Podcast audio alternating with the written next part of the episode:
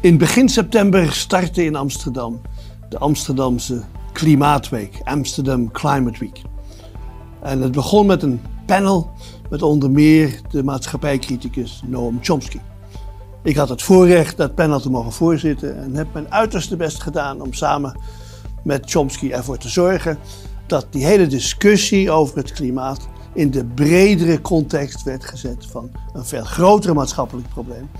En dat is het bestaan van een roofzuchtig kapitalistisch systeem dat ongegeneerd en ongehinderd aan de menselijke soort een bedreiging oplegt.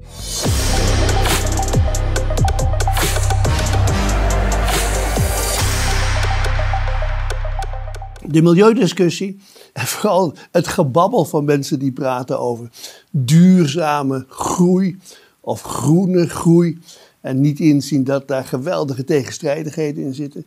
Die hele discussie doet mij een beetje denken aan het praten van mensen die graag met een gebrekkige auto toch de snelweg op willen.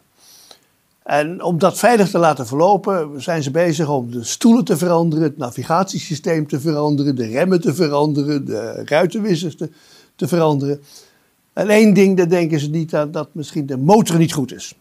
En komisch is dan ook nog dat in die hele discussie, dat praten over duurzaamheid en zo, eh, de klimaathypocrisie ook nog hoogtij viert. Daar schreef uh, Lisanne van Zaterhof een vermakelijk stukje over in NRC Handelsblad, de klimaathypocrisie. Anderen de maat nemen over hun niet duurzame gedrag. Daar zijn we goed in. Ik denk dat het creëren van biodiversiteit in grote steden, een eh, zonnepaneel op je dak, wat minder vlees eten, wat minder vliegen, dat dat allemaal fantastische dingen zijn. Of de rechten geven aan dieren en rivieren en bomen. Allemaal mooi. Maar het raakt niet de kern van het probleem. En daarmee blijven het toch allemaal, zonder historisch perspectief en zonder context, blijven het allemaal oefeningen in futiliteit. Als we serieus willen praten over onze relatie als mensensoort met de planeet, dan moeten we toch met een goede diagnose beginnen. En we zouden ons bijvoorbeeld kunnen laten inspireren door een zeer recente toespraak van de nieuwe Colombiaanse president, Gustavo Petro, in de Algemene Vergadering van de Verenigde Naties. Een toespraak waarin hij zegt: al die problemen die we hebben worden niet veroorzaakt door de planeet, maar die worden veroorzaakt door het kapitaal en door de logica van steeds meer te willen consumeren, steeds meer te willen verdienen en steeds meer te willen produceren. En hij zegt dan, en ik citeer hem daar graag bij, dat achter de olie- en steenkoolverslaving er een ware verslaving is. Dat is de verslaving aan irrationele macht, geld en winst. Dat is de enorme dodelijke machine, zegt Petro, die de mensheid kan uitroeien. Dat klinkt heel erg als de uitspraak van Paul Franciscus in een mooie brief die hij schreef over de vreugde van het evangelie, waarin hij zegt we moeten goed begrijpen dat het kapitalisme een dodelijk systeem is. En daarmee gaf hij aan met die brief dat hij eigenlijk een fundamentele systeemkritische discussie wil hebben over de vraag hoe we dat kapitalisme zouden kunnen overwinnen. En wat ik nou opvallend vind, dat in alle discussies van allerlei milieubewegingen en ook in de discussies van de Verenigde Naties en zeker ook in de discussies van het Intergovernmental Panel on Climate Change, het intergouvernementeel panel over de klimaatverandering, dat dat soort terminologie daar niet wordt gebruikt.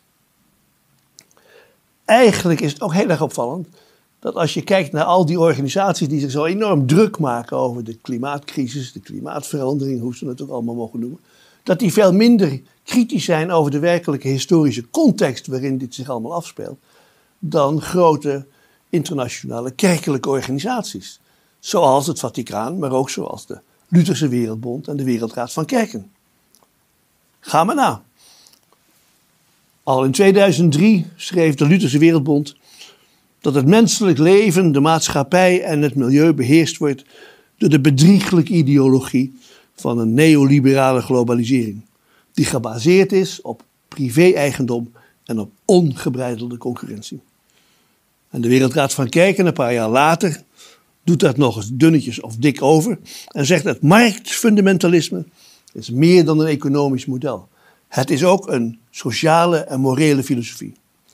En hebzucht en het streven naar snelle winst zijn de oorzaken van de met elkaar verweven crisis die we deze dag meemaken. Een werkelijke discussie zou zich dus eigenlijk moeten richten op de alternatieven voor dit systeem. Eric Wright heeft in een schitterend boek, dat hij heeft genoemd Envisioning Real Utopia's, waarin het gaat over concrete utopieën, heeft in dat boek een mooi voorbeeld gegeven van een anticapitalistische manier van het produceren en verspreiden van informatie. En hij noemt Wikipedia. Hij zegt, Wikipedia wordt gerund volgens het motto voor iedereen naar behoefte en van iedereen naar veiligheid.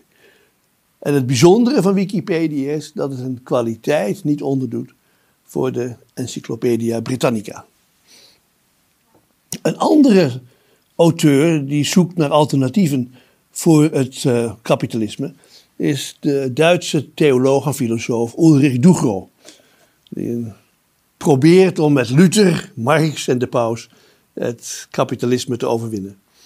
En die ook heel veel voorbeelden heeft gegeven in een boek Alternatives to Global Capitalism. Van hoe je tot alternatieve leefwijzen, niet-kapitalistische leefwijzen zou kunnen komen. Het interessante is dat hij in een van die boeken schrijft. Eigenlijk is het zo dat vrijwel alle religieuze bewegingen in de wereld als consensus hebben de poging om het kapitalisme te overwinnen. Alle religies hebben theologische en filosofische overwegingen tegen de ideologie van een kapitalisme dat uitbuiting en ecologische verwoesting met zich meebrengt. Wat we daar ook van mogen vinden, maar het is in ieder geval duidelijk dat een fundamentele systeemkritiek ernstig genomen zou moeten worden. Omdat we anders niet komen tot een denken over economie en leven die het bestaan humaan en waardevol maakt.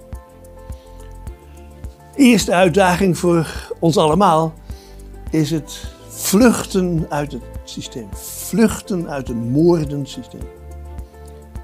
De Afro-Amerikaanse cultuurcriticus Fred Moten heeft daar een mooie term voor bedacht. Hij zegt wij moeten ontdekken hoe we voortvluchtig kunnen zijn. En dat begrip van de voortvluchtigheid spreekt mij heel erg aan. En hoe mooi is dat? Een voortvluchtige blackbox columnist.